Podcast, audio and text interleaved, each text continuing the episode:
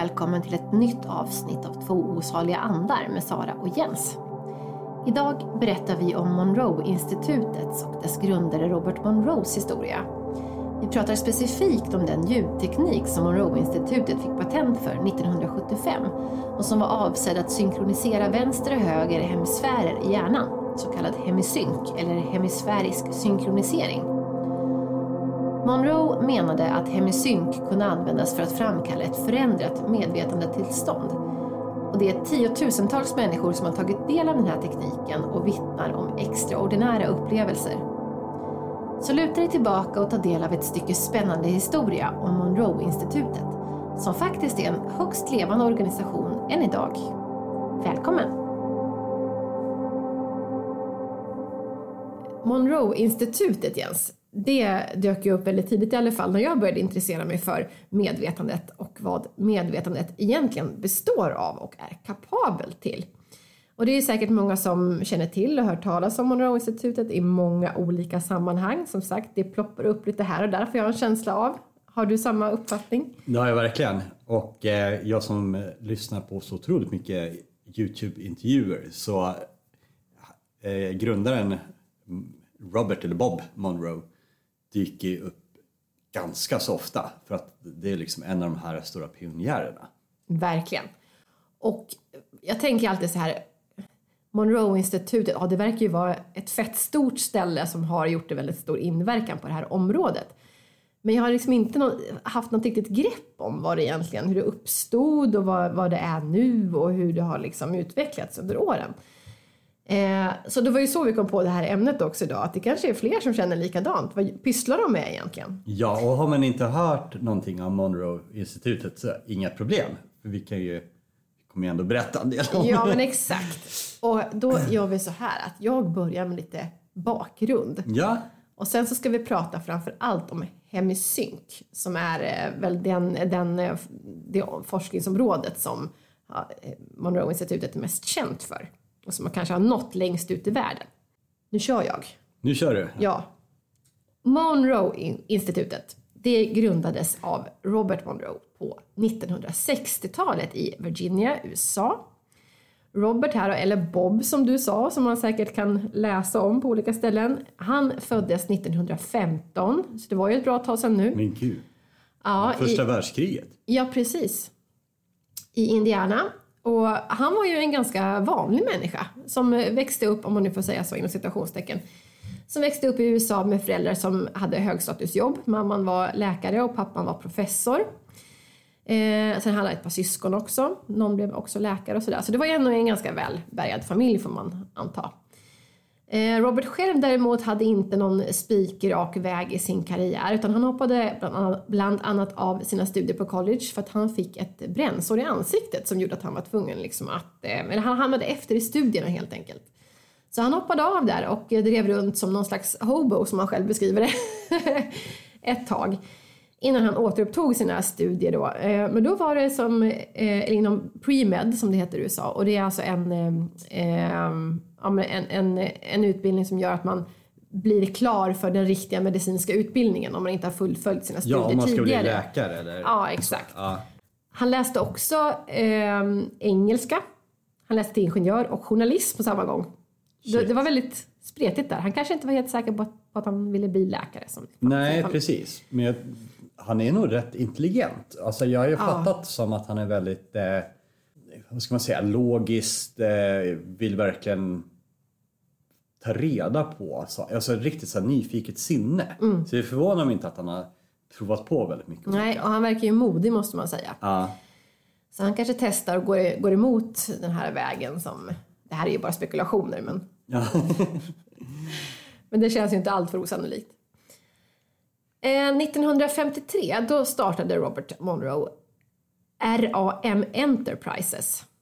Och det skulle senare bli Monroe-institutet. Men det här RAM Enterprises, det var en organisation som producerade radioprogram. Men 1956 då skapade den här firman en forsknings och utvecklingsavdelning i syfte att undersöka hur olika ljudmönster påverkar det mänskliga medvetandet. Och där någonstans så började väl resan som skulle göra Robert Monroe till en pionjär inom det här området som du nämnde. Och det var också under den här forskningen 1958 som eh, Monroe hade rätt häftiga upplevelser i samband med sömn som de bedrev mycket forskning på då initialt. Där han beskrev det som att han upplevde para paralys och vibrationer följt av ett vitt ljus som verkade lysa från en ängel. Och det här var en upplevelse som upprepade sig nio gånger under en sex eh, veckors period. Och sen så kulminerade det i hans första utanför kroppen-upplevelse. Och det var då det här tog fart på riktigt för hans del då. Och Monroe-institutet, de har ju hela tiden utforskat sinnet och medvetandet eh, och möjligheterna som medvetandet har till expansion. Och där ingår utanför kroppen-upplevelser, fjärrskådning, telepati, telekinesis heter det. Krångligt ord. Och eh, idag då så ehm, eh, Robert Monroe, han, han är ju död som ni förstår. Eh, men hans eh, arbete har drivits av hans döttrar efter honom, av två av hans döttrar. Eh, och eh, nu så, så är det en, ett, en högst levande organisation. De, eh, alltså det är miljontals människor som har deltagit i olika studier här på Monroe-institutet. Och tusen, tiotusentals människor som, som använder deras material. Men då ska vi gå in lite mer på det här hemisync-teknologin. Och eh, det är bara lite kortfattat eh, så är det att eh, man använder ljudfrekvenser för att synkronisera hjärnans hemisfärer. Ja, Vi kanske precis. Kan gå in lite Höger vänster hjärnhalva i princip. Exakt. Och därigenom ska man kunna öppna dörrar till olika medvetandetillstånd. Eh, och den här hemisynken har ju blivit ett, ett, ett eh, ganska tekniskt verktyg då. Eh, för man kan använda det för meditation, inlärning ska man kunna ha det till. Eh, och som en eh, introduktion eller att man ska inducera en, en utomkroppslig upplevelse. Och vi ska nämna det också att det finns, jag, jag satt och letade efter resultat här på alla de här studierna och det finns eh, väldigt omfattande rapporter på olika studier på hemisync.com va? Ja, precis. Ja, precis. Och vi lägger länken i beskrivningen. Ja, det här med hemisync, som jag förstår det så man började eh, egentligen med att den här radiostationen, de hade ju sin lilla forskningsavdelning där de försökte hitta nya sätt att arbeta med ljud. Och ett av de här som de var inne på rätt tidigt, det var att hjälpa människor med sömnen. Och jag vet inte om det var insomningsproblem eller om det var att behålla sömnen, men det hade i alla fall alltså lite av sömnforskning och ljud kopplat till varandra. Och eh, man upptäckte när man gjorde olika delar med ljud, liksom, hur man kunde påverka sömnen eller insomningen. Och jag tror att det är lite av den delen som tog fart och blev eh, det stora sen med Hemisync, alltså där är liksom ursprunget. För det var ju så när eh, Bob, Robert Monroe, fick sina ut ur kroppen så alltså det är jättemånga som kanske kämpar för att få eh, astralresa eller ut i kroppen genom olika tekniker eller man försöker på något sätt. Mm. Han hade ju lite omvänt sådär att han kunde inte stoppa dem. Alltså, han var ju inne som många andra som innan det här blev känt trodde att han var psykiskt sjuk på något sätt.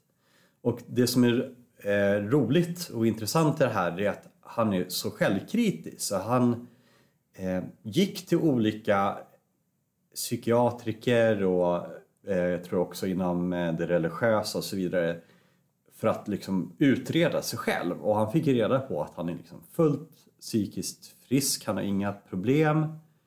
Men han fick av en av, jag tror det var en psykiatriker, fick han då liksom att gå djupare med det här, undersök mer. För han tyckte själv att det var jätteintressant och spännande. Alltså ändå väldigt, det är också väldigt modigt att erkänna att man har de här upplevelserna under den tiden tänker jag. Ja, för att det ännu var ju mer in... konservativt. Det var ju inte så långt ifrån att man drog rätt snabba växlar på eh, att någon var mentalt sjuk. Ja, det eller så kanske att, inte vet jag, till och med fanns några tankar av besatthet och alltså om ja. man tänker kristen kontext på något sätt. Det, det var verkligen inte så, eh, så accepterat Nej, och sen om man tänker sig om man då går och försöker hitta information och läser så kanske man inte finner så mycket på. Alltså Nej. det är inte så mycket böcker skrivna om ämnet. Så Monroe han var verkligen först med att, eller först ska man inte säga, men han var väldigt, väldigt tidig med att skriva och forska om det här. Och eh, jag har följt en fysiker som jag tycker är väldigt intressant, som är en del av den här historien, som heter Tom Campbell. Han är nog snart 80. Eh, han eh, arbetade då för en eh, chef på ett företag som höll på med, jag tror att det var ingenjörskonst och man hade fysiker med så där. Så det var väldigt materialistiskt och väldigt så här. Och han kom in en dag och kastade en bok i, i näven på den här nya, eh, nyanställda Tom Campbell. Han var inte så gammal, han var ganska ny utexaminerad. Och eh, det var Robert Monroes första bok om Ut i kroppen. Den var alltså nysläppt. Läs den här, sa han. Och eh, Tom Campbell, han eh, tänkte då, undrar om det här är något sorts test och se om jag liksom eh, att jag liksom inte tror på sådana här strunt liksom. Att är det mm. liksom någon som chefen gör liksom. Men eh, han eh, vågade säga att han tyckte det här var jätteintressant för han hade själv haft ganska mycket upplevelse av det här slaget. Lite alltså med meditation och han har upplevt helt otroliga saker. Så han var intresserad. Han vågade nästan inte säga någonting till sin chef. Att det var liksom, låg en viss spänning där tyckte han. Mm. Men han erkände. Sen hände det inte så mycket på ett par veckor. Den här diskussionen kom inte upp riktigt. Eh, så helt plötsligt kom chefen in och frågade Vill du följa med till, eh, hem till Bob Monroe? Med ett gäng som jag samlat upp här. Och då var det alltså fysiker, ingenjörer och sådana liknande yrkestitlar. Eh, och han sa ja, absolut. Så de åkte upp över en helg. Och när de kom fram till Monroe där så han såg ut som någon så här, sydstats eh, layback affärsman, så här, vit eh, kostym och sådär. Men han Monroe var helt otrolig att prata med tyckte Tom. Och de hittade en connection ganska tidigt. Och Tom han var ju ganska ung då, han var 23-24 någonstans. Eh, och han eh, fick erbjudandet att, arbeta och undersöka fenomenet med utekroppen i kroppen bland annat. Och eh, han sa ja absolut, jag kan hjälpa till att bygga laboratorieutrustning. Och jag tror att det var en till person därifrån, de här fysikerna så att säga. Och eh, då ville de ha, in, kanske inte pengar tillbaka utan de ville veta så mycket som möjligt om forskningen de bedrev där idag och hur Monroe gjorde för att få de här ut ur kroppen upplevelserna, astralresor. Så det här blev liksom ett utbyte som var ganska häftigt. Så att Tom Campbell, han hade sitt vanliga jobb och jobbade ungefär 20 timmar extra varje vecka med Monroe. Så att de verkligen började bedriva forskning på ett bra sätt. För då fanns det ju den vetenskapliga disciplinen bygga laboratorieutrustning på alla möjliga konstiga sätt eh, för att kunna täcka upp så att det var vattentätt så att säga vetenskapligt. Och en av de delarna som de tog tag i då var ju den här hemisync som de började liksom leka med och det är egentligen att man skickar in en eh, ljudsignal i ett av öronen och så skickar man in en annan ljudsignal i det andra örat. Men de här har lite olika frekvens. Och det som händer då inne i hjärnan när man skickar in i vänster och höger de här olika frekvenserna är att, säg att du skickar in 100 hertz i ena örat.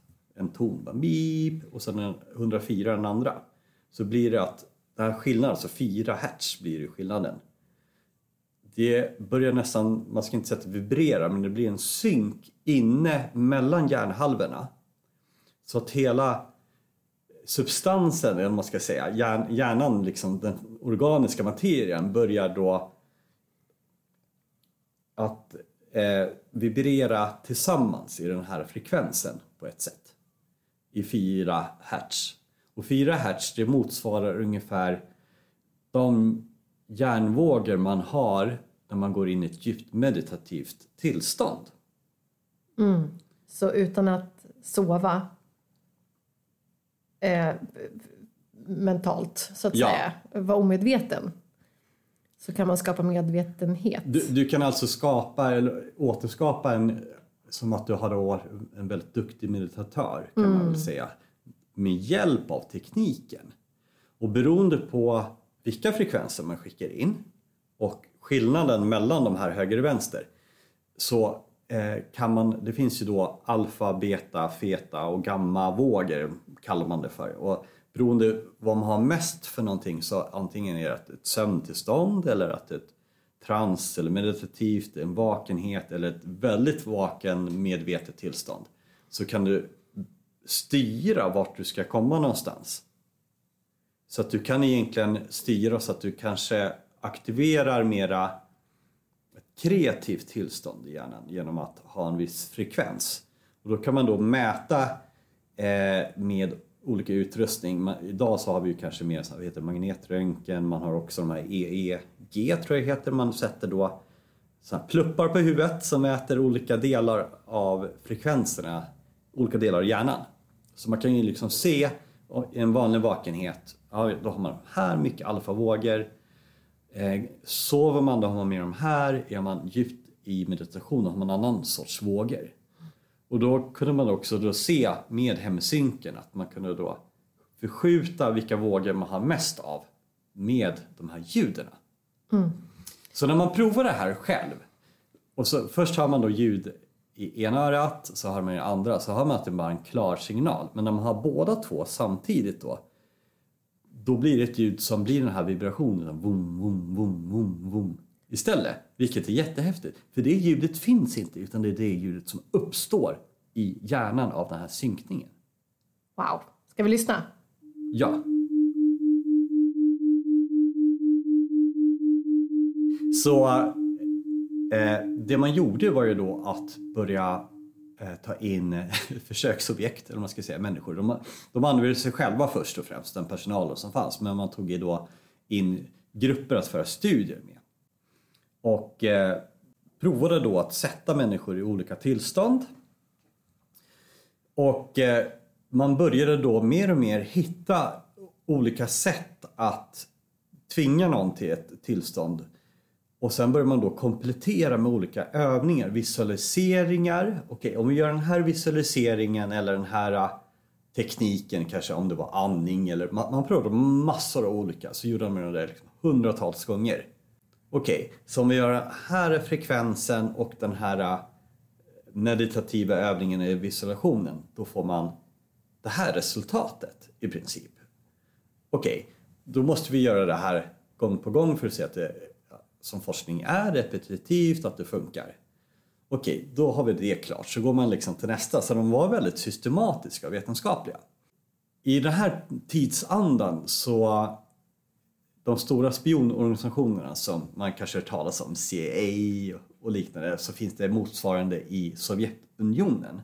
Det var ju som en rivalitet, man hela tiden försökte hitta fördelar att, genom att ta reda på saker. Och då hade man ju mänskliga spioner som kanske åkte till andra landet och liksom spionerade så att säga, ta reda på information. Eh, CIA och motsvarande sovjetiska organisation, om det var KGB kanske då, Eh, hade börjat titta på det här med eh, psykiska eller paranormala förmågor. Finns det, funkar det och om det gör det så hur kan vi använda det här då till vår fördel? Och eh, någonstans här så börjar de få kontakt med Monroe-institutet. Så att vissa då började bli ganska duktiga på eh, att använda HemiSync bland annat med någonting som man då kallar för remote viewing och det kan man väl säga på svenska fjärrskådning. Och det här blev en ganska stor del i forskningen också på eh, Monroe Institute. Och man märkte då att man kunde försätta människor i ett viss, jag ska inte säga trans, men i en sorts meditativ eh, medvetande med hjälp av de här eh, hemisynkvågarna. Och så hade man då ett visst antal övningar eller något sånt för att komma fram till ett väldigt specifikt state eller ställe man är i. Och i det här så kan man då se vissa saker på vissa koordinater så att i princip så fick den som är fjärrskådare eh, ett antal koordinater. Man har liksom inte en aning vad det är för något. Kanske det som vi skulle säga longitud och latitud. Och en viss tidpunkt. Det är allt de har. Man vet ingenting mer som fjärrskådare. Och då ska du i ditt meditativa tillstånd med hjälp av de här Hemisync försöka då berätta vad du ser. Och svårigheten här det är att då att inte fylla i, att låta det intellektuella spela med. För det, där blir det att man kanske börjar, ja men jag ser det här och här och så börjar man tro saker och fyller i. Mm. Och ju mer man använder hjärnan så att säga, den intelligensmässiga delen, eh, ju sämre blir resultatet. Och det här hade man då tusentals försök, laboratorier, så att då var det en kontroll som visste vad de här koordinaterna var och fjärrskådaren visste ingenting så man kunde kolla att resultatet var rätt eller inte. Och man nådde någonstans 80-85 procents rätt så att säga mot en kontrollgrupp som inte hade någon koll. Så det här var en av de här olika delarna som man gjorde. Eh, Jätteintressant. Så om man vill använda Hemisync så kan man eh, dels kan man köpa då från Monroe Institute CD-skivor och liknande. Eller eh, ladda hem ljud för att prova på. Eh, men det finns också lite mer öppet på Youtube och andra ställen man kan eh, Kanske inte lika vetenskapligt uppbyggda men man kan i alla fall prova på det här med hemsync. Mm. Men det Monroe Institute gjorde var att man gjorde någonting som heter Gateway bara, det, Experience. Det, det, det, finns också kurser på Monroe. Ja, det är eh, ganska kan, många ja. Precis. man kan köpa om man verkligen är mm. intresserad. Jag skulle säga att det är ganska dyrt. Ja. Men eh, mycket utgår nog från att man kanske kommer till Monroe Institute också som amerikan, att man är nära där och mm. svänger förbi. Men det finns då distanskurser och liknande. Precis, som ligger på ett, några tusen ja, upp till 10-15. Ja. Men det, man kan ju också säga att det ligger ganska mycket forskning och erfarenhet bakom ja. det här. Ja. Men i alla fall, man gjorde ju någonting som heter The Gateway Experience och det är egentligen då att ett läroprogram för att försätta sig i, olika meditationsfokus. Och man kallar de här fokus 3, fokus 10, fokus 15, fokus 21 och så vidare. Och varje sån här fokus eh, då försöker man då sänka kroppen så att den är nästan att den sover. Och det liknar ju lite grann det, det, det du sa att han upplevde Monroe att han kom i någon sorts paralys i kroppen mm. men sinnet är vaket. Mm. Så man sa ju då eh, mind awake, body asleep. Precis, så att kroppen är... sover och hjärnan eller sinnet är, är vaket och där så kan man antingen lämna kroppen eller man kan göra olika saker. Ja, precis. Och det, var, det där är ett begrepp som förekommer också hos många andra som pysslar med det här. Men jag tror faktiskt att det var Monroe-institutet som, som, som myntade uttrycket. Ja. Mind, wake, body, sleep. Mm. Och det som jag tycker är det roligaste med det här det är just att de har lagt ner så otroligt mycket tid och metodik att det, liksom, det här är inte flum utan de har verkligen bevisat mm. att om gör man på det här sättet så når man till ett visst stadie eller det kan hända saker. Mm. Så ja, hela Monroe-institutet har ju startat forskning på andra områden men det har också lett till liksom hundratals, tusentals människor har börjat skriva böcker om ja. det här och om det nu är telepatiska delar eller just i kroppen eller fjärrskådning så har det liksom bara fortsatt från den här starten. Ja, precis. Och jag, jag, tror också att det är många forskare eh, som efter att Monroe gjorde det här, tog det här modiga klivet och började forska på någonting som är väldigt omstritt och svårt att bevisa eh, och så, att, man, att han ändå vågade. Ah. Och vara öppen med det. Det tror jag har gjort att många andra forskare också har vågat mer tänja på de här gränserna. Mm medvetandeforskningen, alltså de hakar ju på lite av de här, det som är någorlunda bevisbart i alla fall. Men eh, du Jens, har, eller vi har ju börjat testa det här med synkkursen ja. eh, vid ett par tillfällen. Den är ju ganska omfattande, det kräver sin, sin tid och sitt engagemang verkligen. Mm. Man kan ju säga att man gör väl nästan 40 40 minuter kanske det tar som minst en sån här när man eh, använder ljuden. Och det ska man göra varje dag? Jag tror inte det egentligen finns en så här, men det, jag tror att ju mer man gör det desto skickligare blir man Ja. på att komma in i ett sånt här fokus som de kallar fokus 10 eller vad det nu kan vara. Precis. Så att eh, det är ingenting som man kanske eh, blir duktig på över en helg så att Nej. säga. Utan det, man får nog räkna minst en månad eller ett par innan det liksom verkligen, verkligen lärt dig eller liksom förstår och då kan du mycket snabbare komma in i ett så här stadium. Ja, för det finns, man, man, man kommer inte få en kroppslig, en utom kroppen upplevelse på två dagar. Man plöjer igenom allting. Nej, precis. Det finns ju de som har fått det väldigt, väldigt snabbt Ja. om det är det de vill ha. Ja. Men eh, det kan man ju också få av andra nästan ren slump när man börjar tycka det är intressant och man tänker på den här saker så, så känns det som man öppnar upp.